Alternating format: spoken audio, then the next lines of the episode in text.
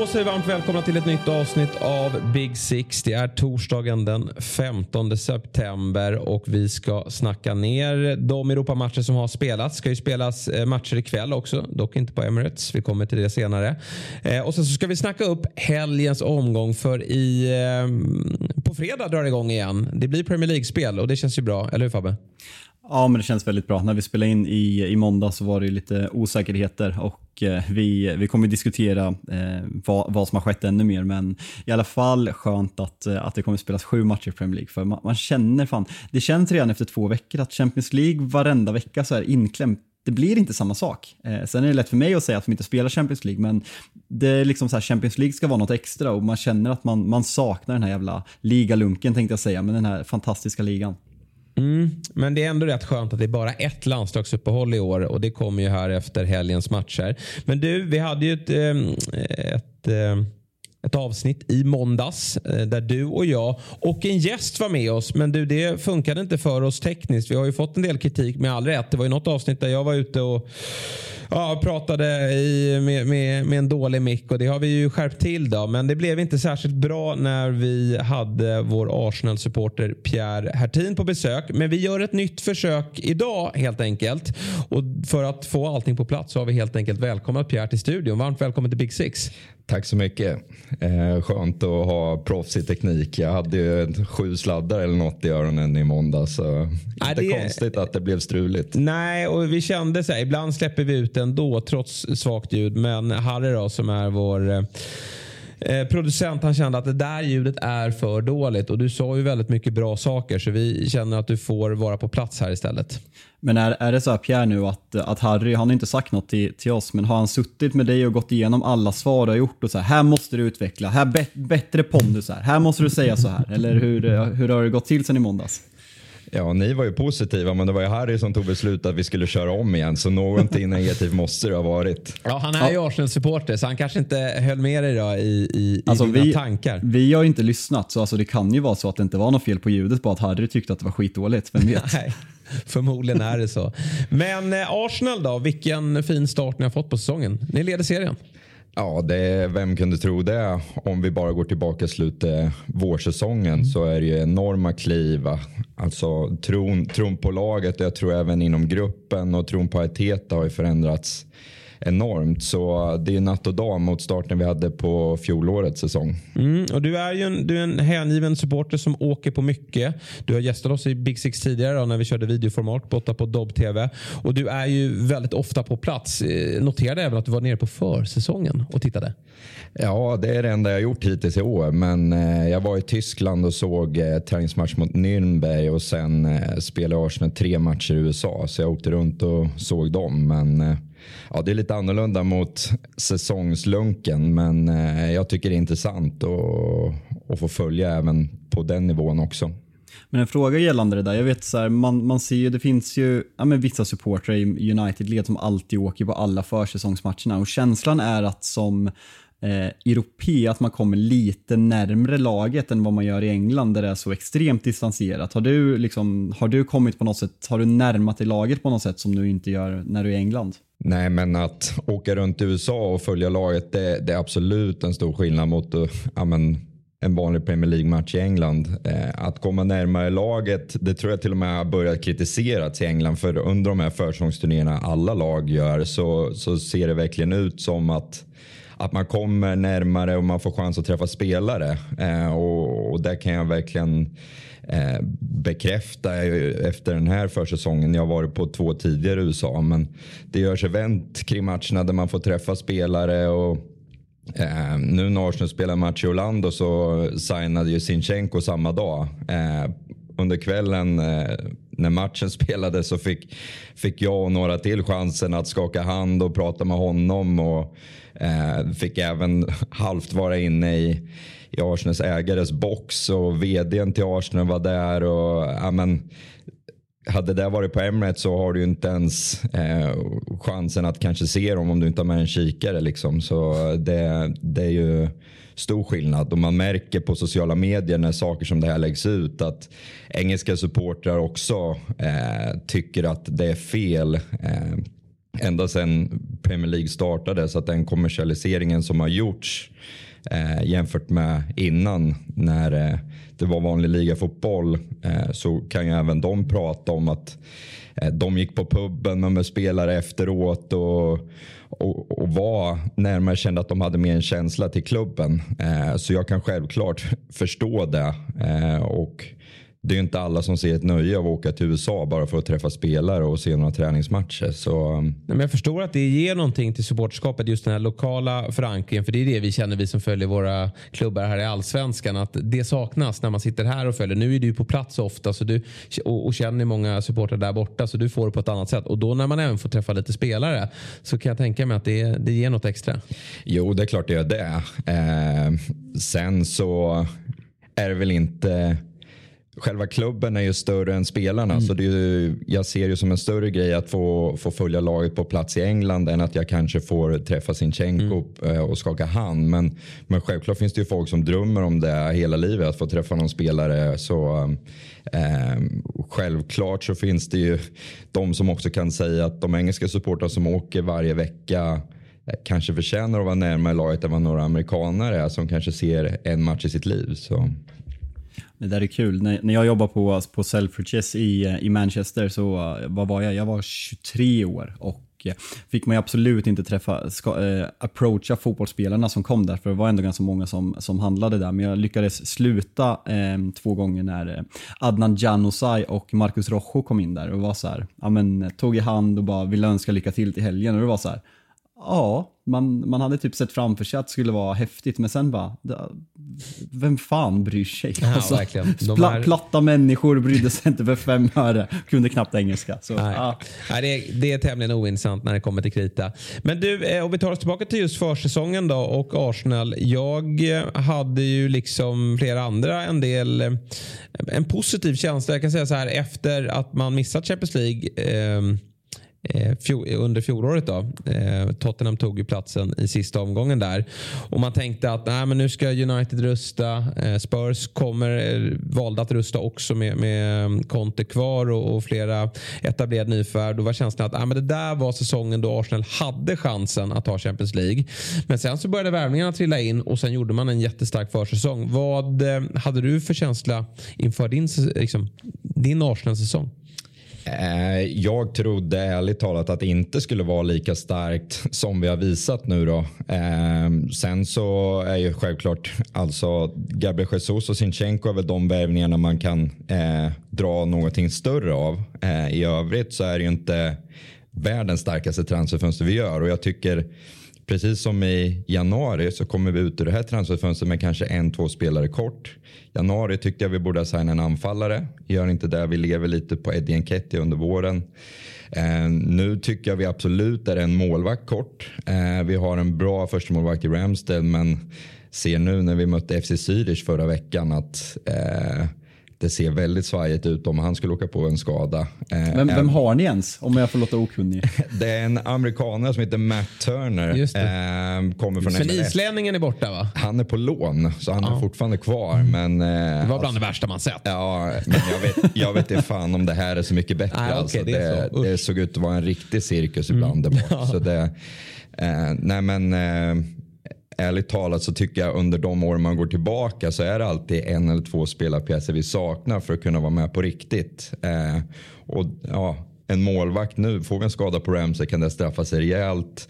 Eh, och kanske en defensiv mittfältare, att vi skulle fått in någon mer. För ser redan nu Partey skadad igen, eh, måste leva på Xhaka. Eh, som den basen där bak. Och jag tycker absolut han har startat säsongen bra men vi vet även vad han är kapabel till att orsaka. Eh, så um, nej, eh, absolut en bra start och försäsongen var ju eh, enormt bra de prestationer. Vi spelade ju mot Chelsea där USA vann 4-0 så eh, det är klart att det gav positiva inblickar mot vad vi nu har åstadkommit efter sex omgångar men eh, eh, återstår att se hur länge det kan bära. Vad har du för kravbild då på Arsenal? För att jag tycker att i fjol, då var det ju nära Champions League, men det fanns ju ändå inte någon som inför säsongen trodde att det skulle kunna bli topp fyra. Eh, den absolut mest optimistiska supporten kanske då. Men eh, i år så är det ju många experter, tyckare och, och supportrar som tror att man ska vara topp fyra. Är det rimligt? Eh, jag tycker absolut det är rimligt med den här säsongstarten. Och jämför du med fjolåret där vi började med tre raka torsk så är det svårt att inte ha en kravbild just nu på Champions League eh, när vi var så nära förra året med den starten. Eh, däremot så eh, så tror jag ingenting högre än det. Eh, även om jag såg att Wenger var ute igår och snackade om att eh, ja, jag tror Arsenal kan vara med och slåss om titeln. Liksom. Men, Säger inte Wenger jävligt mycket skit sen han slutade eller? Ja, inte, inte bara om klubben. Jag tycker han svingar om Uefa och Fifa och allt möjligt. Offside, det är offside-regler och det är hans och ja men fan, käften. Ja, jag, tyck, jag tyckte han tappade de sista åren. Jag har enorm respekt för honom, men han tappade de sista åren. Han verkar ha tagit med lite av den bitterheten ut. Eh, istället för att leva på det han åstadkommit. Men eh, Nej, men för att komma tillbaka till eh, den här säsongen. Jag tror ändå att eh, ska vi vara med framåt. Ni pratar om att alla andra lag bygger och att Spurs tog eh, Champions League-platsen. Nu har vi gjort en väldigt bra start trots att vi bara får Europa League. Eh, så tror jag att nyckeln för att behålla de bästa spelarna nu är Gabriel Jesus, Saka, Ödegård då måste vi ta Champions League nu. Eh, för att eh, vem hade kanske, det hade inte varit omöjligt att Saka hade dragit under sommaren bara för att vi missade Champions League. Mm. Kan man inte se det som en, en positiv sak då man får tänka lite långsiktigt att den här truppen som du säger kanske är lite kort. Man vet inte hur ni hade för, förstärkt om ni slutat topp fyra men det känns ändå som att Europa League i år och ta rotationer och verkligen gå all in för ligan kan passa det här långsiktiga bygget som liksom har fått bygga sig i sin tid med, med Arteta. Så jag tror faktiskt att även om det inte kändes så förra året efter de där förlusterna i North London Derbyt och mot Newcastle där i slutet av säsongen så tror jag att det kan på något sätt ha varit bra för Arsenal, kanske framförallt för den här säsongen. Ja, men speciellt nu med gruppspelet så ska vi väl gå rent. Vi roterade enormt nu mot eh, FC Zürich förra veckan, eh, men eh, ändå så lyckas vi vinna och jag tror att det kan bli en nyckel om jag jämför med Spurs då i Champions League spelar starkaste laget, förlorar ändå. Men kan vi gå igenom ett gruppspel som vinnare och har roterat samtidigt som jag hoppas att vi sen under våren ska gå för att vinna hela Europa League eh, så tror jag absolut vi kan tjäna på det. Speciellt nu när spelschemat blir så tajt här under hösten innan VM så kan det nog vara en nyckel till att fortsätta prestera bra i ligan också. Mm. Truppen spetsig men lite tunn då. Och sen eh, det, den ständiga diskussionen, det är ju tränarposten ändå. Och där har väl ändå Arteta stärkt sina aktier ganska rejält efter fjolåret. Ja, det tycker jag och jag har ändå valt att tro på honom under förra året när det svängde i början och även i slutet. Eh, det är lite komiskt att se att vi förlorar de där två matcherna i slutet på våren och folk börjar skrika efter hans avgång eh, när man två veckor innan hade stått och ja, snackat om att det är han som ska ta oss fram till framgångar igen och spela i Champions League. Eh, Medan nu är det ingen som pratar om det eh, och jag hoppas att det kan fortsätta även om vi får någon förlust här och där. Att man inte behöver vända sig emot Arteta. Utan jag tror att han tjänar just nu på att både truppen, supportrar med hela klubben tror på honom. Eh, och det är ju ett, ett långtida projekt om vi ska vara med där uppe. Eh, och första steget är väl att få Champions League. Eh, men just nu finns det ingenting som gör att man inte ska tro på honom. Nej, sen gillar jag liksom att ledningen också har varit eh liksom gett honom förtroendet. Vi ser ju andra klubbar i den här ligan där det kanske inte har varit eh, lika mycket långsiktighet i besluten. Och det även om eh, det har ju bytts ut folk såklart på, i ledande positioner. Men det var ju lite samma med Wenger. Han, han fick ju, eh, sen fick ju han träff tidigt. Vann ju väl första säsongen va? 98 eller var det andra? Ja, han kom ju 96. 96, så, ja, det var andra säsongen då. Ja, precis. Mm.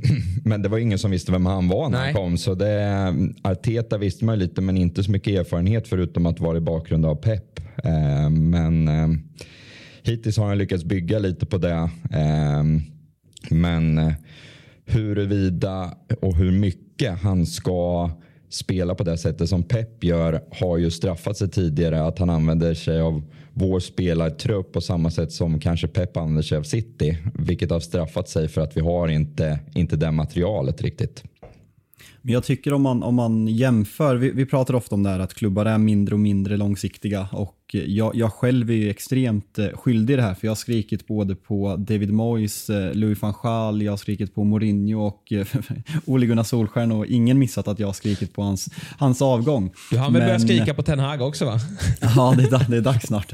Efter 0-4 mot, mot Brentford så är Ten Hag out. Nej, men skämt åsido, men jag, jag tycker ändå det som särskiljer Arteta mot många av de här tränarna och kanske även Unai Emery innan är att man hela tiden har sett att det finns någonting. Även om processen har varit ganska lång om man jämför med exempelvis när Jürgen Klopp kom till Liverpool. Liverpool, ja men de släppte in massor mål, men man såg ändå det finns något där. Och det är jättelätt att håna de här bilderna när man gör vågen efter 2-2 mot West Bromwich, men man såg ändå även om man kom sju eller vad det var första säsongen, att det fanns något där och att det här laget är på väg till rätt riktning. Och det var egentligen en, en värvning av van Dijk och Allison som, som förändrade hela klubben och tog den upp till den nivån den är, är idag. Och det är det som jag tycker skiljer att Arsenal har gjort rätt som har fortsatt satsa på Arteta. För jag kommer ihåg, det var ju United-fans som visat statistik och hävdade att eh, Ole Gunnar Solskär är mycket bättre än Arteta. Och så här, folk som kollar på fotboll, hur kan man säga en sån sak?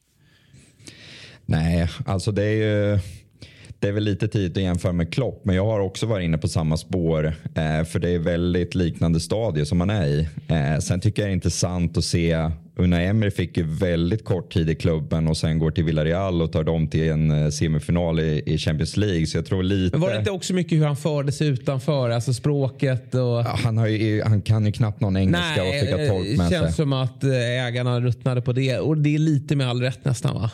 ja, jag tror det. Sen tror jag lite att han är första in efter Wenger. Mm. Förutom att vi hade Ljungberg där i ett eh, mellan, ja. mellansteg. Men, men ändå så tror jag att det var lite fel man vid fel tidpunkt. Hade han kommit in vid ett annat stadie och kanske med något bättre engelska så tror jag absolut det kanske kunde ha varit en bra tränare för klubben. Men att Teta ändå varit som spelare i klubben, förstår lite mer vad man vill. Eh, sen så, ni har precis säkert som mig sett eh, Amazon-dokumentären eh, All or Nothing nu där man får se väldigt mycket bakom scenerna. Och, och, och, det känns som att relationen han har, ja, men framförallt med ledningen men även med spelarna, är någonting att bygga på. Det känns som många tror på honom.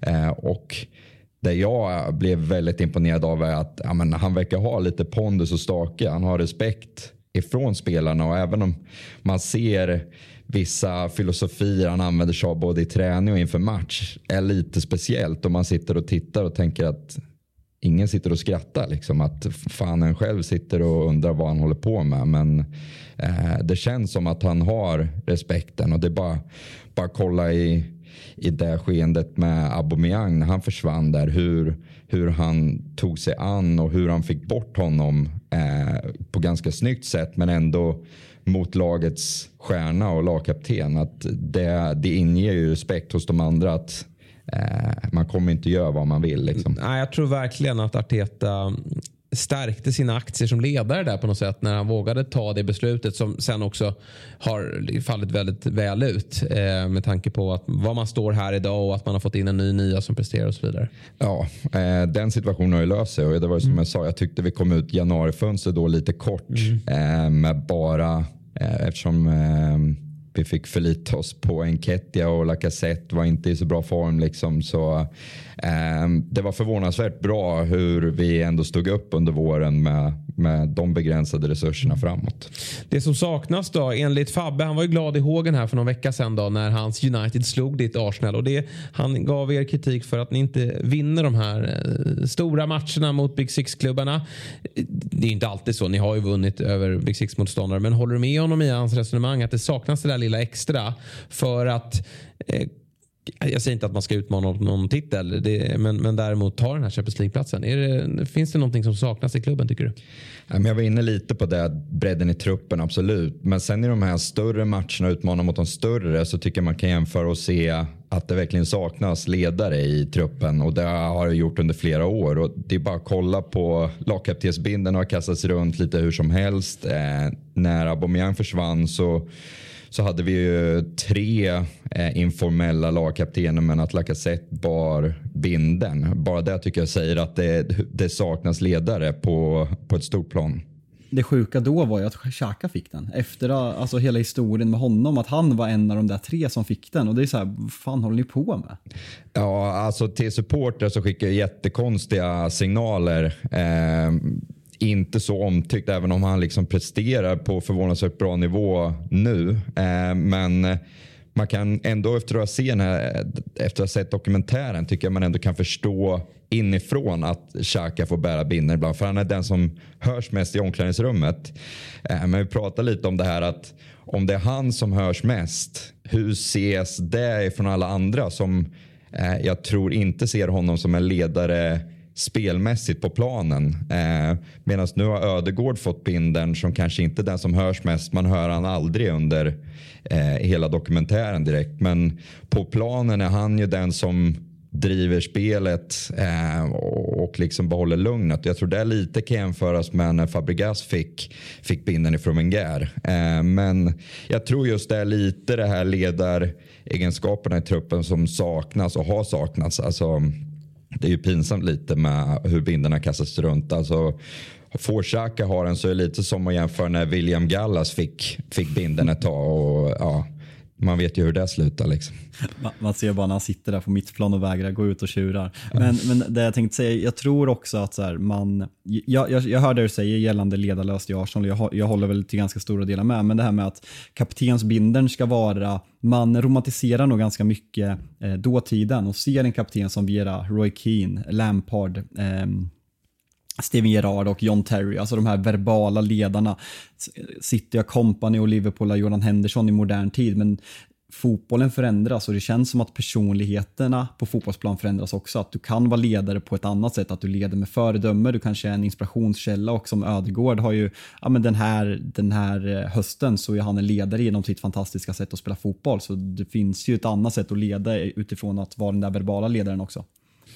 Ja, jag håller absolut med. Eh, och som du säger, fotbollen har ju förändrats enormt. Alltså bara under åren sedan Premier League startade så är det ju en annan fotboll vi ser idag mot vad det är då. Så eh, jag håller absolut med. Och eh, Ödegård representerar ju lite av sättet Arsenal vill spela fotboll på. Så eh, eh jag tycker han passar in bra. Det, precis som jag tycker Fabregas var en bra kapten under den tiden han hade. Eh, så eh, jag tror på Ödegård och, och hoppas att att vi får behålla honom också. Ja, och det kanske man får göra då just för att han är kapten. Och eh, Vi hade Johan Kücükaslan på besök i vårt program, vår podd Fotbollsmorgon. Och då hade han varit och jobbat då under matchen Norge-Sverige och då upplevde han ju Håland som ett as men Ödegaard som en otroligt trevlig person och tillmötesgående och det är också sänder ju någonstans signaler och är viktigt i sådana här sammanhang får man ju säga. Ja absolut och då får väl eh, Håland representera City och vad de står för eh, som en fotbollsklubb så eh, lite mer stil och klass på Ödegård så är jag väldigt nöjd av honom som kapten. Mm. Jag kan dock tänka mig att ha några as i klubben om de är lika bra som Håland. Det är taget. Ja, ni behöver allt ni kan få i kvalitetsväg. Men du eh, Pierre, jätteintressant att eh, höra dig och dina tankar kring Arsenal. Du följer laget nära. Innan vi släpper det då, Brentford på söndag. Du och jag kanske är på plats. Jag har lite biljettstrul och du har lite annat strul. Ja, vi får se. Jag ska ta beslut under dagen om jag åker. Men mm. Är vi där så blir det kanske en och annan pint. Ja, men så kan det ju bli. Det vore ju kul också om Arsenal kan... Det är, det är en rolig match på, på många sätt och vis. Två starka lag och om Arsenal kan gå till serieledning då inför uppehållet. För det är väl en match ni ska vinna? Ja, det tycker jag absolut. Eh, vi är ett annat skede i säsongen nu mot vad vi var förra året när vi åkte dit eh, i premiären och förlorade eh, 3-0. Så eh, det är absolut en match man ska vinna och måste studsa tillbaka efter, efter matchen på Old Trafford. Måste bara säga att 0-3 borta mot Brentford är inte så jävla dåligt. Det kan vara värre. Ja, verkligen. Det, ni har båda tufft där. Ja, men ni kan vara med och nosa om Champions League som alla dömde ut oss för förra året när vi torskade där. Så, mm allt gott till er. Ja, exakt. exakt. eh, med de orden då Pierre så tackar vi dig för din, eh, ditt deltagande i Big Six och du är såklart varmt välkommen tillbaka. Får vi se nästa gång när du kommer om ni leder serien då? Ja, gör vi det, beroende på när det blir, det kanske blir efter VM, men ja. är vi fortfarande i topp, bara vi kommer till våren, mm. så är jag mer än tacksam och det är nog mer än, mer än vad både man hade som målsättning inifrån och vad supportrar trott på. Så. Då, då, får du lova en 08 fotbollstradition att, du, att jag är i studion och du tar med en se, serieledarbira om, om ni är serieledare när du gästar nästa gång efter VM. Ja, jag tar med ett sexpack om det är så. Uh. Vi ska alldeles strax ta ner lite matcher och prata upp matcher. Men först ett litet nyhetssvep. Det har inte hänt massor, men eh, det ska ju som sagt spelas fotboll i alla fall till helgen. Det kommer inte spelas någon match på Emirates ikväll. Eh, Arsenals match är ju uppskjuten. Det är väl för få snutar i stan då. Eller det, det är många snutar där, men de, de, har väl fullt upp med annat då. Men det har hänt något i, i eh, sillväg och det är ju att eh, allas eh, älskade favorit då. Diego Costa är tillbaka på öarna och ska spela fotboll för eh, Wolverhampton. Fin, eller fin, cool presentationsvideo. Ja, verkligen. Det är ju verkligen det där grisiga jävla utseendet som man har saknat i Premier League och sen, ja, ja. sen så står han där med vargar som är, som är loggan för Wolverhampton. Då. Eh, så det eh, känns kompatibelt på så många sätt och de har ju haft problem på den där positionen egentligen sen, eh, sen Raúl Jiménez huvudskada så man, man hoppas ju att det blir bra men man vill ju inte att han ska möta sitt eget lag såklart. Jag tror ju att det kommer gå skit, men eh, vi hoppas absolut att det går bra. Alltså, han har ju en ganska deppig karriär efter Chelsea. Eh, svag i Atletico de Madrid och sen var han i Eh, Atletico också, men Mineiro då, där det blev fyra mål på 15 matcher. Och, ja, det har väl eh, pratats om det i diverse olika forum, men han har ju liksom inte auran att han sköter sin träning eh, mellan de här eh, klubbövergångarna, eh, utan eh, det är nog en bit från toppformen va? Alltså sportsligt skiter man inte lite i hur det går. Alltså Wolves de kommer hänga sig kvar, de, har en lite, de kan inte göra mål. Man vill bara se Diego Costa in action. Alltså bråka, stångas, och, filma, ta gula kort. Mål. Jag vill se honom göra mål. Alltså, det vore häftigt här nu om han är tillbaka på en någorlunda bra nivå. Och, eh, alltså Wolves har ju jagat en målskytt ända sedan Raúl Jiménez fick den här hemska huvudskadan. Och tänk om Costa skulle vara lösningen. Och då göra det som du är inne på, att han går runt och småskallar och, och armbågar folk? Nej, vi, vi, hoppas ju verkligen, men som sagt, jag är nog lite skeptisk precis som du till, den där, till det sportsliga. Men eh, det, det andra har jag väldigt höga förväntningar på. Det var lite så Batman-skurk-feeling över prestationsvideon också. Men jag, jag, jag blev lite rädd. Ja, verkligen. Och det ska man ju vara när Diego Costa är tillbaka. Eh, du, i övrigt då så har det hänt eh, lite grejer gällande Chelseas nya ägare, Todd Bowley, som ju var så liksom välkomnad av många när han, eller framförallt Chelsea-supportrarna för det, det, följer ändå ganska väl ut här nu då. I, I, tider där det byts ägare så är ju många supportrar rädda, eh, med all rätt såklart, att det kommer in blodspengar från Mellanöstern. Men då blev det en, en ny jänkare eh, in då, eh, Todd Bowley. Men nu börjar han ju att synas eh, med diverse olika uttalanden. och eh, Även om det har slagits ner som fake news så ska ju, finns det ett rykte om att han har klivit upp på Torshälls kontor och sagt att han vill att laget spelar 4-4-3. Eh, sägs ju inte stämma då, men jag hoppas och jag väljer att tro att det stämmer. För nu börjar han ju faktiskt att eh, uttala sig ganska märkligt eh, kring eh, Premier League och vad han tycker ska ske i ligan. Ja, och det, det, är en intervju han har gjort nu precis där han eh, nej men egentligen gör det som man som supporter i England är väldigt stolt över att det inte finns i europeiska fotbollen. Italien har ju, och Spanien till viss del också, väl börjat gått dit att spela cupfinaler i andra länder medan England och nej men Tyskland för att dra två exempel är väldigt måna om sin historia och eh, vill inte förändra någonting. Och och eh, han bollar ju framförallt upp, eh, upp eh, tre saker som sticker ut i den här intervjun och det första är att han, han tar upp tankar om en All Star-match i Premier League. Vi kommer komma mer dit sen, då vi faktiskt har en övning till, eller en övning. Vi, vi ska ha en match du och jag. Mm. Eh, nummer två som sticker ut är såklart att han hyllar Chelseas akademi väldigt mycket och claimar Mohamed Salah och Kevin De Bruyne som egna produkter från Chelseas akademi, vilket såklart är lite speciellt eftersom de värvades ganska dyrt båda två och absolut inte fostrade i, i Chelsea. Och det här är ingen felsägning utan han tror ju stenhårt på det. Ja, han, han tror att de är draftade liksom i eh, first pick och sen så vart de, vart de tradade eller något, något i den stilen. Och sen det som, alltså så här, som om man problematiserar modern fotboll och, och, och liknande så lyfter han Manchester City och Red Bull-koncernen som förebilder. Då, nej men City har ju lag i Australien, i, eh, i eh, vart har de mer? De har väl i stort sett hela Europa nu. Och sen Red Bull-koncernen med framförallt Leipzig och Salzburg, att man kan slussa spelare mellan klubbar som ägs av samma ägare. Och ser det som ett föredöme och pratar om att han ser Chelsea som eh, liknande. Man hade ju Vitesse som typ en samarbetsklubb där typ varenda Chelsea-spelare, Chelsea hade ju ungefär 40 spelare på lån men Uefa har ju satt regler för det här så man kan ju inte kringgå det där på samma sätt längre så han vill väl eh, komma runt det på något sätt. Och Det här är ju baksidan med amerikanska ägare. De är inte pålästa. De kommer från en annan idrottsrörelse borta i USA där man ser på idrott på annat sätt. Det, är ju, alltså, det finns ju en charm i det också men det är inget vi vill ha hit i vår eh, tävlingsverksamhet i Europa. Där eh, visserligen eh, mycket går mot den moderna fotbollen men eh, vi behåller väldigt mycket som är eh, vad vi anser är viktigt. Då. Sen eh, behöver det ju, eller det kommer ju mot all förmodan eh, eh inte bli så här. Men det är ändå läskigt med, med eh, liksom, rika eh, ägare som får mer och mer att säga till om. Och Superligan har ju redan varit på tapeten. Och den här gubben han kommer ju såklart vilja få igenom eh, vissa idéer.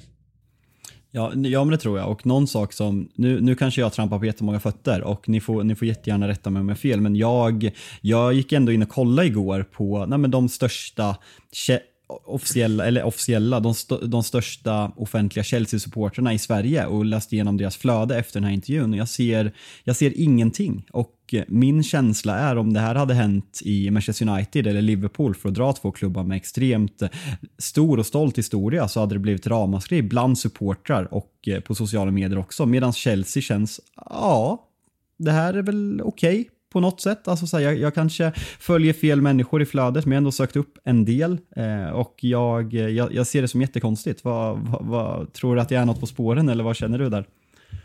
Eh, nej men det är väl alltid sådär i början att man ska försvara va? Eh, det är ju fortfarande ganska nytt det här. Och eh, min känsla är att det, det, är i ett tidigt skede eh, i den här relationen. Och att man är försiktig med att slå mot sin nya ägare. Kan det inte vara så? Jo, kanske. Jag, tyckte, jag brukar inte försvara Jürgen Klopp allt för ofta, men jag tyckte att han, eh, han sa det väldigt bra när han fick frågan eh, om det här efter matchen mot Ajax i Champions League och eh, han skrattade och sa vad är nästa steg då? Ska vi ta hit Glo Globen, ha, fan heter de? Harlem Globe, Globetrotter. Globe, Harlem Trotters. Harlem Globetrotters heter de. Jajamän. Ja. Det är, sta Nej, det är sta sta stark, stark podd nu. Stark ja. podd nu. Nej, men det var ju skönt att Klopp slog lite ner på det där eh, faktiskt. Men du, och vi, vi, vi föraktar ju eh, allt eh, som har med det här, den här intervjun att göra. Och framförallt med den här All-Star-matchen. Men ändå så ska du och jag nu eh, roa oss med den övningen att ta ut varsitt All-Star-lag. Mm. Eh, för det tror vi kan bli ganska kul. Och vi har ju valt att göra lite på vårt eget egna, egna sätt. Vi har tagit ut eh, vi har, gjort, eh, vi har skapat oss några regler här. För att får du välja fritt från de här olika klubbarna, ja, men då, då är det ju bara att ta från Big Six-klubbarna och så blir det lite att man skapar två drömlag bara. Men vad vi har gjort det är att vi eh, eh har fått tio lag var och de är ju fördelade geografiskt. Då. Och där fick jag norr va? och du fick söder. Mm, stämmer. Dessutom då så måste det vara minst en spelare från varje lag och i och med att vi har fått tio lag då och, och en startelva består av elva så har vi fått välja ut en utespelare från ett lag och en målvakt får även vara från, från det laget. Då. Eh, ni kommer förstå när vi kommer att eh, dra våra startelver här. Och de lagen som jag fick det var ju, nu ska vi ta upp mitt lag här framför mig bara. Jag fick ju då Nottingham, jag fick Wolves, jag fick Leicester, jag fick Aston Villa, jag fick Newcastle, jag fick City, jag fick Leeds, jag fick Liverpool, jag fick Manchester United och jag fick Everton. Så jag kan väl börja då och, och eller ska vi dra hur gör vi? Ska vi dra lagdel för lagdel eller ska jag dra mitt lag upp och ner? Ja, men kör du så, ja. så tar vi det därifrån så får vi se. N när du räknar upp dina lag och jag, om jag bara tänker vilka, vilka jävla pisslag jag har nere i söder så jag kommer ju få en tuff match här alltså. Ja, jag tror också det. Och jag såg ju The Sun hade tagit ut två stycken lag också. Men där var inga, där fanns det inget eh, regelverk att förhålla sig till. Så det var ju många spelare från samma lag. Och då var det tydlig fördel mitt lag då. Får se om det blir så nu också. Men jag har valt att ställa upp laget enligt ett 4-3-3. Eh, eller 4-2-3-1. Nej, men 4-3-3 vill jag nog ändå eh, förhålla mig till här. Även om de formationerna påminner mycket om varandra. Och i kassen då, där har jag valt då att dubblera Liverpool. Ni kommer få höra vilken utespelare jag har. Men jag har valt Alisson i mål då. Jag tycker att han är bättre än Ederson och de Gea eh, såklart. Och sen tycker jag inte riktigt att det finns någon, någon utmanare då. Eh, så Alisson i kassen. Eh, jag väljer som högerback Neco Williams från Nottingham. Jag har blivit förtjust i eh, det man har sett av honom hittills är väl kanske bäst som wingback. Men han är ju fostrad i Liverpools 4-3-3. Så att det blir bra. Eh, backlinjen överlag är svag. Det blir ju alltid så när man formerar sådana här lag. Men eh, jag har Max Killman från Wolves. Jag, jag tycker han är vass. Jag eh, eh, tror att han kan ta ytterligare kliv också. Eh, och trivs nu även i en fyrbackslinje. Förut var det ju en femback för, för Wolves. Bredvid sig har han Johnny Evans. Leicesters bidrag här då. Eh, Ja, kanske inte eh, är jättehet för stunden. Men det finns rutin här va, som är ovärderligt i den här typen av match. Och tillsammans du, vet med att Max... jag, du, du, du vet att jag har en Johnny Evans-tröja hemma, så det här behöver du inte försvara. Nej, men jag, jag tycker John Evans är, är en, en, bra mittback. Eh, och, och, han och Killman de bildar ett bra mittbackslås. Ute till vänster då, är lite av en hatspelare, Lukas Dign. Men eh, han är någonstans ändå underskattad. Alltså, det här är en bra vänsterback och från ett Villa som hackar. Eh, men det är ingen av Villas offensiva spelare som tar plats i det här bygget. Och då får det bli Lukas Dign till vänster. Så att den där backlinjen kommer ditt an, off, din offensiv ha ganska kul med. Men eh, jag tycker ändå att den, den eh, med Alisson bakom sig eh, har möjligheter att stå pall första kvarten i alla fall. Mm, ja, men det, eh, min backlinje kanske är ännu sämre. Ja, vi, vi, får höra alldeles strax. Där. Jag fortsätter med mittfältet. Från Newcastle, Bruno Gimares. Och sen blir det svårt då. Eh, för jag har valt en mittfältare från Manchester City. Eller svårt, men jag tycker att det är eh, overall ligans bästa spelare. Eh, och det är ju Kevin De Bruyne på det här mittfältet. Och han är ju så dynamisk också. Eh, han, han eh, går ju verkligen box till box. Så, eh, han och Gimares får lite box till box roll. Och sen blev det offensiv mittfältare i det här laget. med uppgift att fylla på in i boxen. Rodrigo från Leeds. Uff, det här gillar vi. Offensivt. Ja, visst gör man det. Nej, men, ja, det blir ju offensivt balanserat såklart. Men, men jag tycker att Gimares och, och De Bruyne trots att de har eh, båda två riktigt skickliga passningsspelare så ska de kunna greja defensiven. Till höger har jag Mohamed Salah. Jag har från Manchester United Cristiano Ronaldo. Han lyfter sig i en sån här match. Eh, och sen till vänster, från Everton, Gordon. bra lag. Ja, ja, visst är det ja, ganska men, bra? Ja, men det, det, är, det är ganska bra. Eh, ja. jag, eh, jag, kan, jag kan få tufft här känner jag. Jag har ju valt en, en eh, defensivare taktik. Innan jag, innan jag släpper laget här då, så bara, Jag hade ja. valet här om jag skulle köra Casemiro och Haaland istället för KDB och Ronaldo. Men jag tänkte att Casemiro har faktiskt bevisat för lite. Nu är inte Ronaldo glödhet men han hade ändå en ganska bra säsong i fjol. Sen är det ju faktiskt så här, ska man ha en All-star-match i Premier League så ska ju Krickan vara där. Alltså han är Definitivt. ju mest All-star av alla de där. Ja, Nej, men så är det. Kotos är han och, och Ronaldo, eller Salah där, vem, vem som passar och vem som tar avslut. Verkligen. Och vi får, ju, vi får ju, innan jag drar mitt, vi får lägga upp en omröstning vilket, vilket lag ni tror skulle vinna när vi, har, eh, när vi har sålt in det här laget också sen. Och även komma med andra förslag så ska vi göra en bedömning om de, de lagen är bättre. Nu vill jag höra vad, hur lag Syd låter. Det låter som Robinson här men vi kör på det. Robinson Robban i mål, Jan Emanuel, ja, Martin Melin.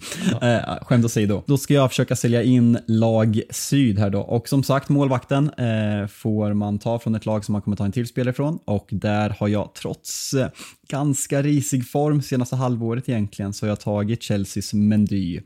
Jag är inte helt såld på Ramsdale och jag eh, tycker Joris är för ojämn. Eh, så det blir, ja men fan, en afrikansk mästare i mål där. Det är väl inte helt fel. Nej. Backlinjen till höger, från höger då. Eh, vi fortsätter faktiskt på Chelsea och eh, tar ligans bästa högerback, Reece James. Eh, som, ja, vi, om vi ska spoiler alerta här så kan vi lugnt säga att han är backlinjens mest namnstarka namn.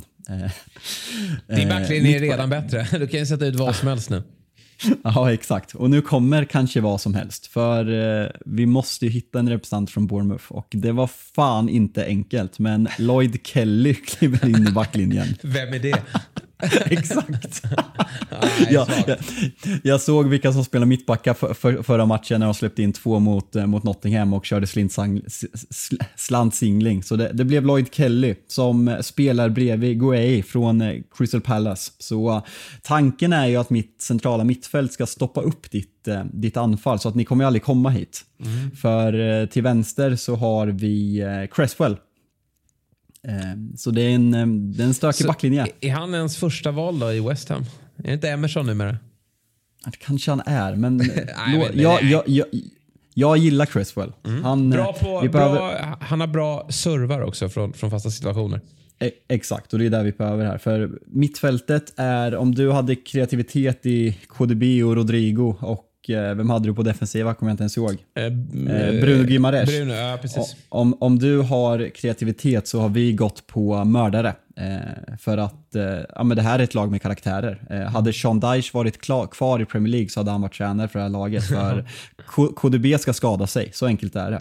Och eh, då har vi Thomas Partey. Och en personlig ny favorit som har varit helt fenomenal i inledningen av säsongen. Lavia från Southampton. Tyvärr skadad Oj. nu, men vilken spelare. Eh, så de här ska ju ha, hålla balansen och eh, i en, här spelar vi inte 4-2-3. Eh, 4-2-3. Men du, alltså, här, här, spelar du vi tar Lavia före Ward Prowse alltså? Ja, vi behöver balansen. Okej. okej. För den, pass, den passningsskickliga eh, är ju Caicedo eh, från, eh, från Brighton som ska sköta passningsspelet och possessionspelet här på det här centrala mittfältet. mittfält. Du sa att backlinjen var usel. Det här, det här mittfältet är ju Ja men vad fan. Jag, jag, jag får Brighton, jag får Crystal Palace, jag får Southampton, jag får Bournemouth, jag får pissgäng. Ja, Riktiga pissgäng. Ja, men jag håller med om det Eh, faktiskt. Och eh, sen kommer vi till anfallet och här har vi ju, ja kanske förutom Haaland, ligans tre bästa anfallare och det är Ivan Tony, det är Alexander Mitrovic och det är såklart Harry Kane. Ja, men, det ska alla spela nia här? Ja, ja, ja. ja. ja, ja. In i boxen. Låt Reece James skicka inläggen. Och Ja, Cresswell. ja, men alternat- alternativen var typ, ja men då får vi flytta på Kane och ta Son och då får vi ta typ Mbuemo istället för Tony och fan, ja, jag, jag ska ha de här. Jag tänker typ att Tony spelar 10. Så vi spelar alltså 4-3-1-2. Eh, Reece James och Cresswell sköter ju kanterna själva här. Alltså det, det är ett otroligt välbalanserat lag. Mm.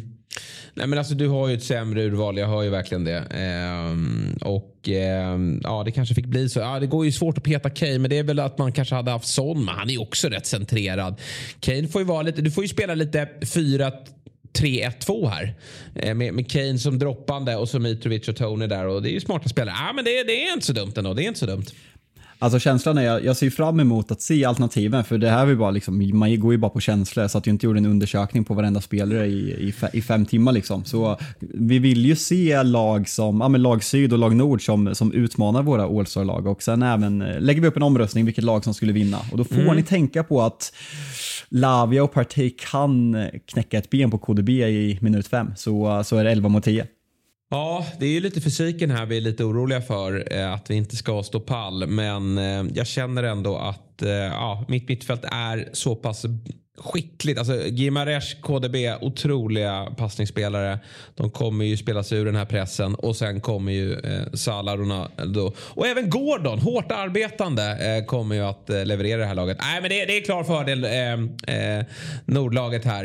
Eh, det, det känner jag. Men vi, vi gör som så att vi, vi får låta våra lyssnare via sociala medier och Twitter göra bedömningen. Och som sagt då. Kom gärna med egna förslag vilket lag, eh, hur ni hade formerat det här. En spelare från varje lag och så får ett lag ha två spelare men då ska en av dem vara målvakt. Lördag klockan 16 eh, har vi ju ur ett eh, svenskt perspektiv en väldigt intressant match. Och det är där även vi har eh, delar av vårt speltips ifrån. Vi har ju ett samarbete nu med ATG.se och vi kommer ju i varje avsnitt att komma med lite eh, rekommendationer och spel. Vi fick boom på vårt första spel här i, i Europa i veckan. Men nu tar vi nya tag och eh, Fabbe, du har ju hittat en eh, jäkligt intressant trippel här. Ja, men den är kul, alltså så här, framförallt ur ett svenskt perspektiv, men även jag tycker att det är kul hos ATG att de här, när man kan köra en betbuilder i, i samma match. Och eh, Bournemouth, de har ju fått en liten, en liten liv, livboy att rädda, rädda, kontraktet när de, när de sparkar Scott Parker, men faktum kvarstår ju att det är ett riktigt jävla rövgäng eh, kvalitativt för den här nivån. I synnerhet på Så, bortaplan också. Exakt, och eh, Newcastle har fått en vecka, vecka att vila och förhoppningsvis är St. Maximan och Bruno Gimares tillbaka den här matchen. Och eh, därför spelar vi alltså att Newcastle vinner, håller nollan och att Alexander Isak gör mål eh, mm. till, till 4,75 borta hos ATG. Jag gillar den här och den är kul att jobba in också. Eh, och det är den här typen av motståndare Isak gärna ska göra minst en kasse. För det är målen i slutändan som kommer att räknas för honom. Och då blir det viktigt för honom att eh, få lite eh, islossning just mot den här typen av motståndare. Men glöm inte att man måste vara 18 år för att få spela och upplever ni problem med ett spelande så finns stödlinjen.se till hands. Och Fabbe, alla dina spel de går ju att hitta var då någonstans? Eh, jag har lärt mig det här, jag har pluggat. Eh, så de finns på dob.one snedstreck Big Six. Mm. Och eh, här är vi så moderna att eh, Six går att skriva både i bokstäver och med en sexa. Mm. Så uh, feel free, gör vad ni vill. Bra så. Tack ATG för att ni gör vår podcast möjlig. Champions League har spelats och Liverpool har vunnit fotbollsmatcher igen. Ja, eh, det var ju tråkigt för oss antagonister att eh, den här så kallade krisen varade i typ en månad för känslan var verkligen att Liverpool var tillbaka och eh, fan det kanske var så enkelt att det var Matip och Thiago som saknades i det här laget för det var, det var något helt annat från start på Anfield. Ja, nej, men jag tycker också att det var Liverpool var bättre i den här matchen. Eh, liksom inte, det är inte klockrent ännu, men, men eh, Matip Thiago betyder massor för det här laget. Alltså Milner, alltså, Spela Thiago istället för Milner. Det, det, det är svårt att... Och, eh, det, är sån, det är för stor skillnad mellan de här två spelarna och det är väl Liverpools stora problem här tycker jag. Att de, de, eh, bredden är för svag och att man inte riktigt lyckats hantera det här generationsskiftet. Eh, och Thiago måste vara skadefri här om Liverpool ska kunna liksom, ta sig tillbaka in i en titelstrid. För att han är vital för det här laget. Det var det som var så häftigt när Liverpool kom upp under Jürgen Klopp, när man hade det där mittfältet med när Fabinho värvades in och man spelade med Henderson och eh, Gini Wijnaldum, att det kändes lite som, ja men du kan sätta in Keita där, du kan sätta in Milner där, det, det kändes ingen, ingen skillnad, men Liverpool har på något sätt ändrat sitt sätt att spela och där är verkligen Thiago som du säger, alltså han, han måste vara på plan. Sen får vi se nu om, om Arthur kommer kunna ersätta honom när han är borta eller roteras för att det ska vara en liknande spelare såklart både en och två och tre nivåer sämre men ändå att det kan finnas en ersättare där.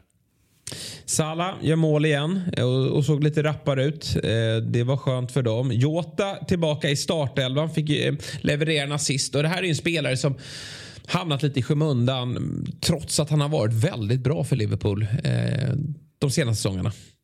Han gör ju verkligen det. Och man kommer fortfarande ihåg när, hur man höjde på ögonbrynen när de värvade honom för 40 miljoner pund från, mm. från Wolverhampton. Och man bara, vad fan, han, han spelar inte ens från start alla matcher i Wolves, hur ska han göra det här? Men känslan är verkligen att han, han gör alla spelare bättre med sin smartness, han är inte egoistisk medan det känns som kanske att när Darwin Nunez ska spela på den där positionen att han är mer egoistisk, att man ska anpassa spelet efter honom. Och sen, det kommer säkert bli jättebra långsiktigt men man ser verkligen att Salah blir bättre, eh, kanske även Luis Diaz blir bättre än Jota på plan. För Luis Diaz är också väldigt egoistisk och Salah har gått från att spela med en väldigt rak mané, en Jota som öppnar upp för andra, tills att spela med Nunez och Luis Diaz som inte slår en passning på hela matchen. Så det, det där kan nog absolut spela in. Ja, annars så var Robertson, de, liksom det, det kommer lite nya skador som dyker upp här nu. Robertson skadar, någon knäskada, missar ju landslagsuppehåll, eller missar landslagssamlingen med Skottland. Eh, men där har man ju ganska, han har inte varit särskilt bra eh, i säsongsinledningen och greken Tsimikas har ju faktiskt varit, är ju en fullgod ersättare. Det är ju värre till höger till exempel om Trent skulle gå sönder. Vadå, Milner för dålig eller? Nej men Tsimikas. Det, det kommer vi ihåg från förra säsongen när Robertson var out första två, tre matcherna att Tsimikas var väldigt bra och många mm. ifrågasatte att han inte fick mer speltid och vi har även sett innan Robertson skadade, det var en petning i, eh, i derbyt va? Och även innan dess har Robertson blivit utbytt i stort sett i varje match och nej det eh, skulle jag inte säga. Sen är det bra timing att, eh, att det är precis vid, eh, vid landslagsuppehållet så att han kan komma tillbaka förhoppningsvis efteråt också. Mm. Kolossalt eh, viktiga poäng för Liverpool. För poängtapp här, ja, men då är man ju verkligen illa ute i den här gruppen. Få ett eh, Napoli på besök med allt att vinna och bra på omställningar är ju jobbigt. Eh, och Ajax sen på bortaplan. Nej, det är lite, lite lurigt läge. Eh, hade kunnat vara lurigt läge. Nu, nu, tror jag Liverpool kommer lösa det här och framförallt då får man lite tid att jobba tillsammans här nu då, eftersom man inte spelar fotboll i helgen. Och visserligen försvinner några iväg på landslagsläger men jag, jag tror att det, det, är ett litet välkommet uppehåll för, för Liverpool ja, men känslan var verkligen att de, Liverpool var en av de klubbarna som gynnades mest av att förra omgången ställdes ut när man hade Wolverhampton, sen skulle man ha den här tuffa matchen mot Ajax och sen Chelsea i helgen. Nu får man ja, men gå in i sig själva, eh, analysera vad som har blivit fel och komma tillbaka och liksom vara det, det starka Liverpool. Sen, mm. jag kan så känna eh, Van Dijk har blivit ifrågasatt med, med rätta. Att han, hans första reaktion efter matchen är att gå ut och ifrågasätta pandits som ifrågasätter hans nivå. Liksom så här, ja, en ex-fotbollsspelare vet att man kan komma in i svackor men samtidigt spelare måste förstå att det är experternas roll att säga vad de ser på planen och de måste kunna ifrågasätta när en spelare är i form utan att spelaren ska tjura ihop och kritisera det till media. Jag tycker att det blir jävligt, eh, ja men så här en barnnivå, typ så här, men du då? Så mm. det, nej, svårt för det där. Ja, det där är löjligt. De de är väl, välbetalda de här herrarna och ska kunna tåla lite kritik. Eh, I synnerhet då när man har varit skit den senaste tiden. Spurs, på tal om skit. Vilken eh, usel insats eh, borta mot Sporting. Och den här lätta gruppen eh, kan ju bli lite problematisk för dem. Och ja, Spurs har ju inte spelmässigt inlett den här säsongen särskilt bra. Man har tagit sina poäng. Men eh, här går man på en mina och det, det blir ju så då att om, om, man inte presterar då kommer till slut förlusterna. Och eh, nu har man ju Leicester till helgen. Det är ju ligans sämsta lag. Det är ju bra. Men sen väntar det lite tuffare motstånd efter landslagsuppehållet. Så Conte måste ju få fart på det här nu. Ja, för känslan var när man, när man såg den här matchen och framförallt hur den slutar att eh, man, man så har väl på något sätt sett det här komma. Vi, vi pratade med, med Per förra veckan när han gästade och eh, alltså matchen mot Marseille, man, de får den utvisad i paus eller runt, eh, runt halvtidsvilan och Eh, det är där matchen avgörs. Spurs är inte speciellt bra där heller och förlorar bollinnehavet trots eh, 11 mot 10 i, i, i, så lång tid.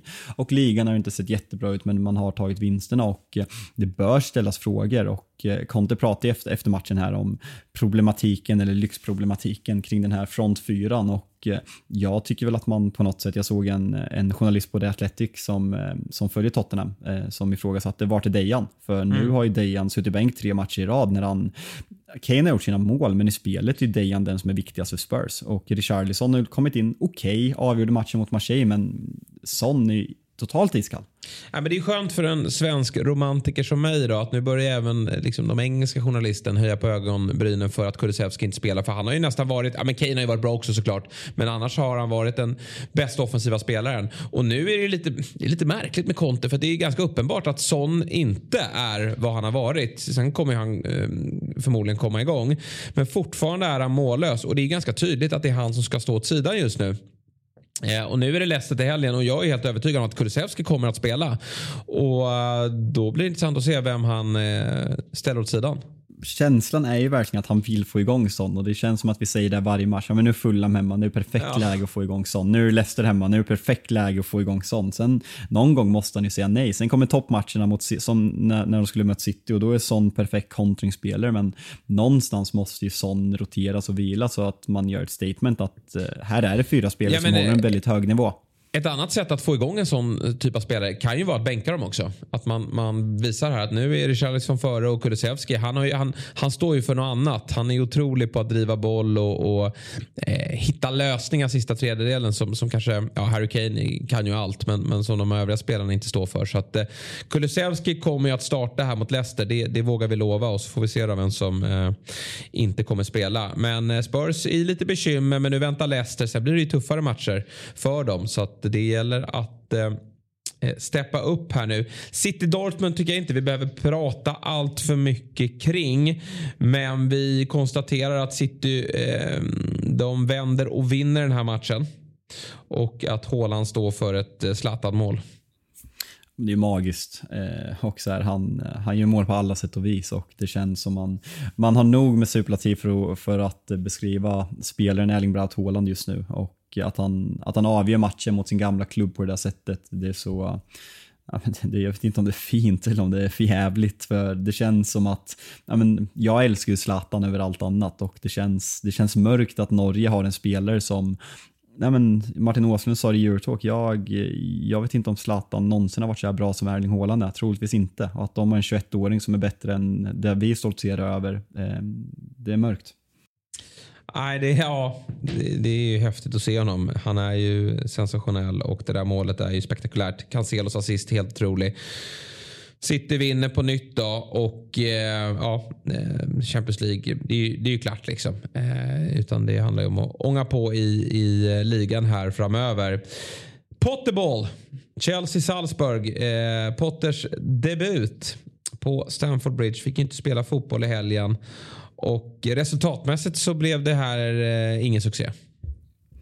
Nej, det är ett, eh, var en enorm missräkning, men eh, uppställningsmässigt så tycker jag att det finns, eh, finns väldigt mycket att reagera på den här första elvan, elvan han ställer ut på benen. Att han, och då är det framförallt att han, att han spelar Raheem Sterling som vänster wingback, som en position som han aldrig har spelat på. Och han pratade om att han ville ha farten, att han ville ha kreativiteten på ytter, ytterpositionerna med Reece James och Sterling, men samtidigt du har Kukureya där, du har Ben Chilwell där och Eh, även förvånande för mig att han eh, spelar Aspilicueta som höger mittback och låter Fofana och eh, Koulibaly sitta på bänken 90 minuter. För det är ändå håll käften statement-värvningar som Chelsea har gjort under Thomas Tuchel. Ja, eh, det är intressant här och Fofana har ju sina egenskaper också i fötterna. Man ser ju direkt här att Potter, ja men så här, jag tycker att ja, resultatet var inget bra och det finns ju såklart saker att jobba på i spelet. Men, men väldigt tydligt att han har satt sin prägel på laget. Det, det rullas väldigt mycket. Det, matchen kontrolleras eh, väldigt tydligt av Chelsea och det är ju ett märkligt mål att man, man ens släpper in det här målet. Det man behöver jobba på är att skapa mer målchanser. För leder man bara med 1-0, ja, men det är ju sånt som kan hända då. Att det, det smäller bakåt och så får man inte resultatet med sig. Man behöver göra fler mål. Raheem Sterling får ju nästan han får ju den här Trossard-rollen ute till vänster. Han och James står ju väldigt brett.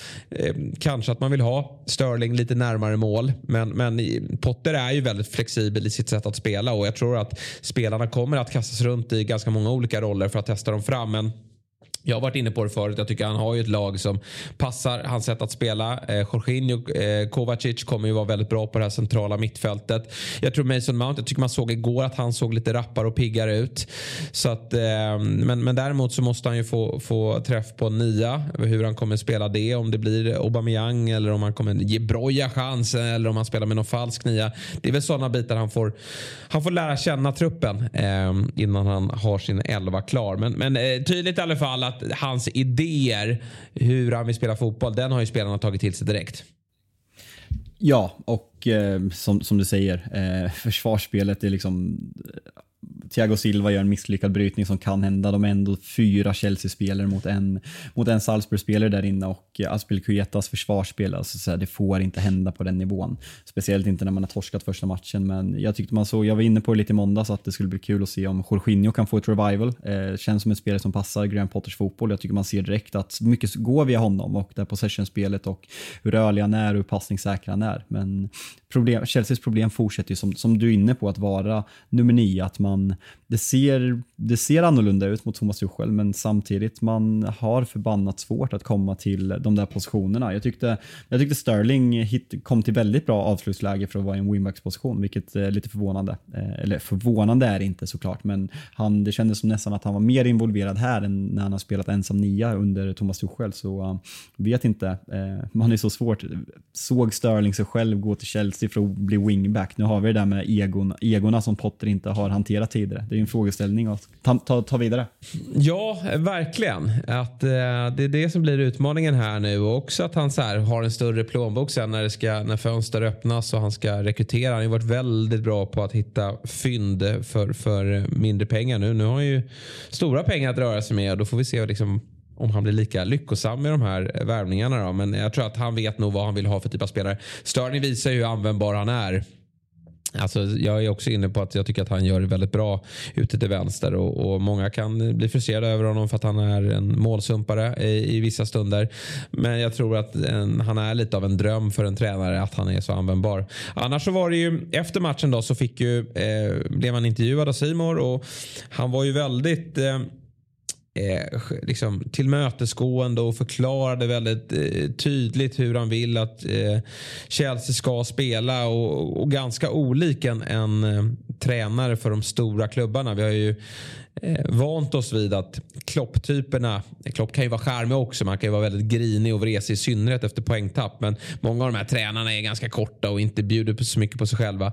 Eh, Kim Källström hyllade ju eh, Potters val att vara tillmötesgående och han har ju gått den svenska skolan som vi är så stolta över nu och där man möter media eh, hela tiden. Det blir intressant att se om man kan fortsätta på det här spåret. Om man kan vara så här öppen och, och transparent i, i, sättet han vill att laget ska spela och, och, så här trevlig också. Eller om han blir en grinig gubbe eh, när eh, han börjar förlora.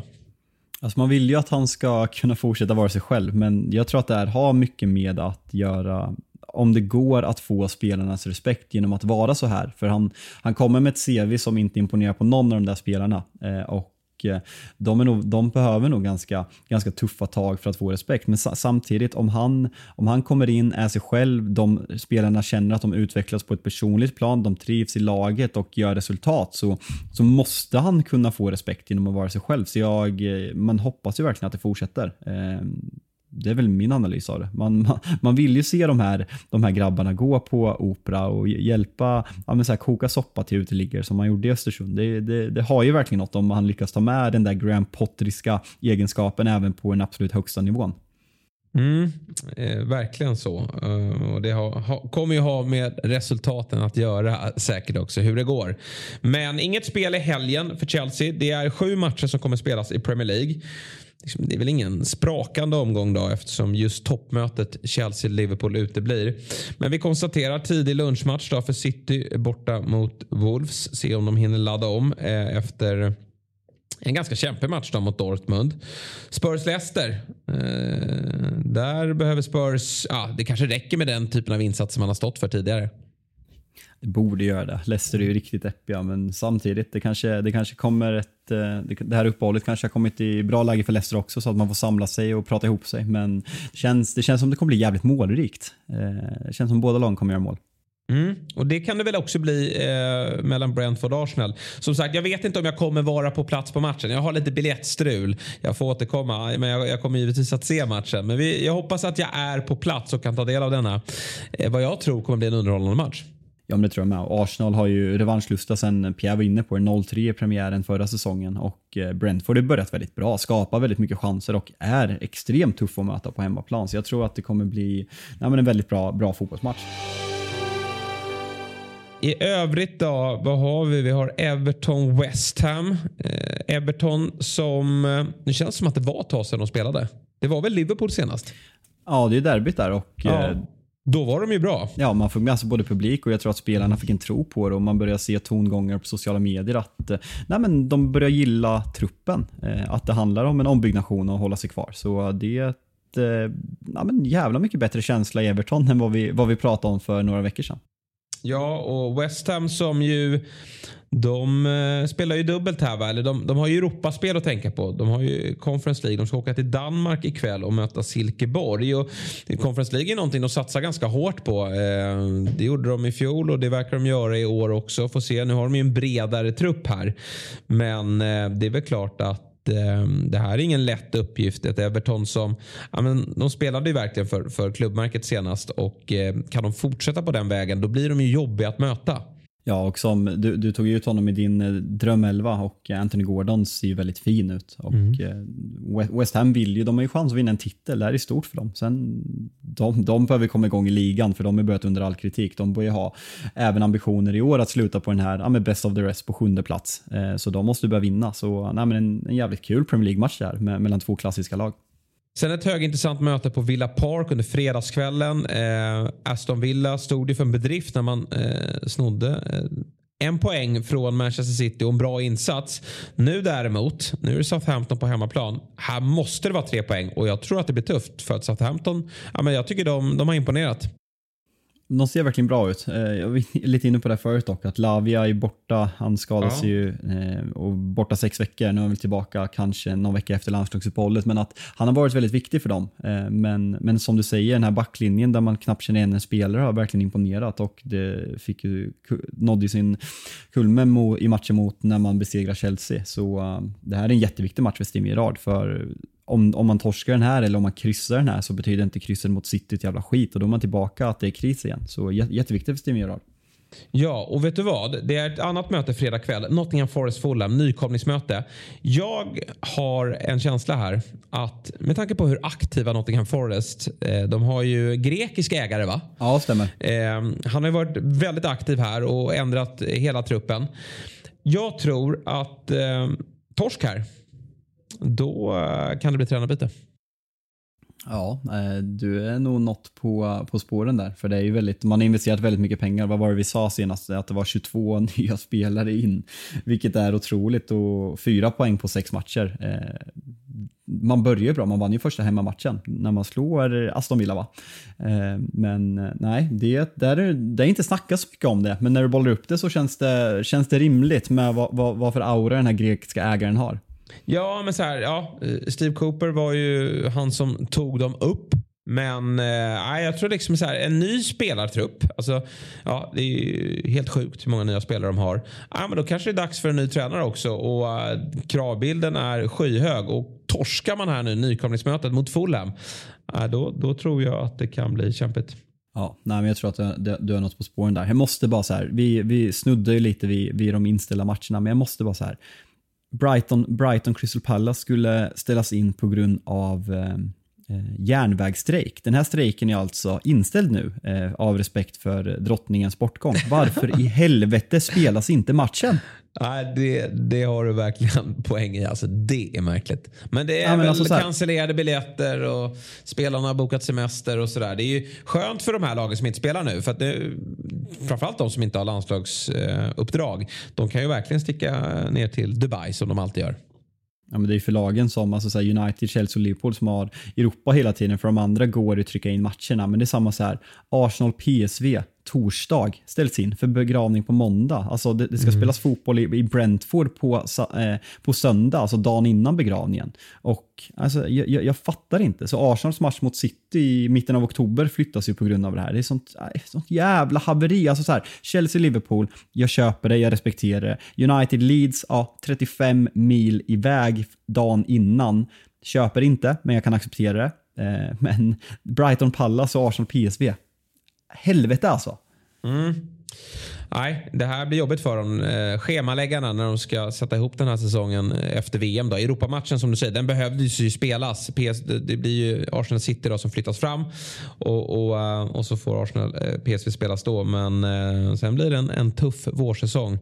Och eh, det kommer ju göra ligan kul också, eh, ska sägas. Det, det äh, gäller att ha en bred trupp, precis som vi sa inför säsongen.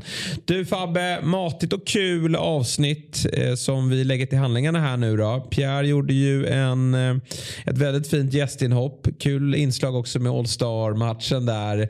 Glöm inte att gå in och rösta då på mitt lag i kampen mot Fabbes. Och sen lägger ni också upp det laget som ni anser är bättre. Det, det, ska, bli, det ska bli kul att se. En annan sak ni ska rösta på är såklart att ni ska ge oss eh, fina betyg på Spotify om ni tycker att vi förtjänar det. Eh, och har ni tagit det så här långt i podden så eh, tycker ni förhoppningsvis så. Ja, då är det ju fem stjärnor. Då blir vi, blir vi jätteglada för det, det ger oss en boost framåt. Eh, bra så Fabbe, då önskar jag dig en, en trevlig helg så får vi se då vad jag kommer med för typ av rapport när vi ses nästa gång. Om jag har suttit på en pub eller en match. Ja. Det återstår att se. Ja, men det ser vi fram emot och ja. får vi hoppas på en bild med Pierre också om ni, om ni lyckas stöta in i varandra. Absolut. Bådas resa var ju osäker så vi får se. Men eh, jag har förhoppning att se bilden på eh, Big Six eh, Twitterflöde. Ja, så, så kan det absolut bli. Eh, tack för att ni har lyssnat. Vi hörs i början på nästa vecka.